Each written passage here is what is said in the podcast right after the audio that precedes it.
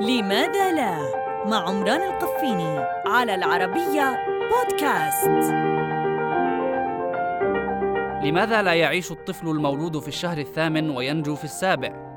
ليس صحيحا فكل يوم يقضيه الجنين في بطن أمه ينضج أكثر.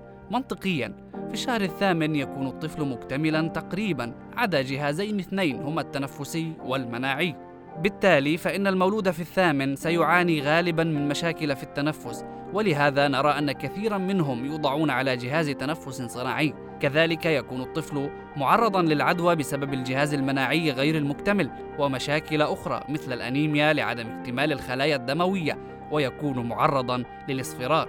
وبهذا فإن الولادة في الشهر الثامن مع كل هذا التقدم الطبي أفضل من السابع علميا.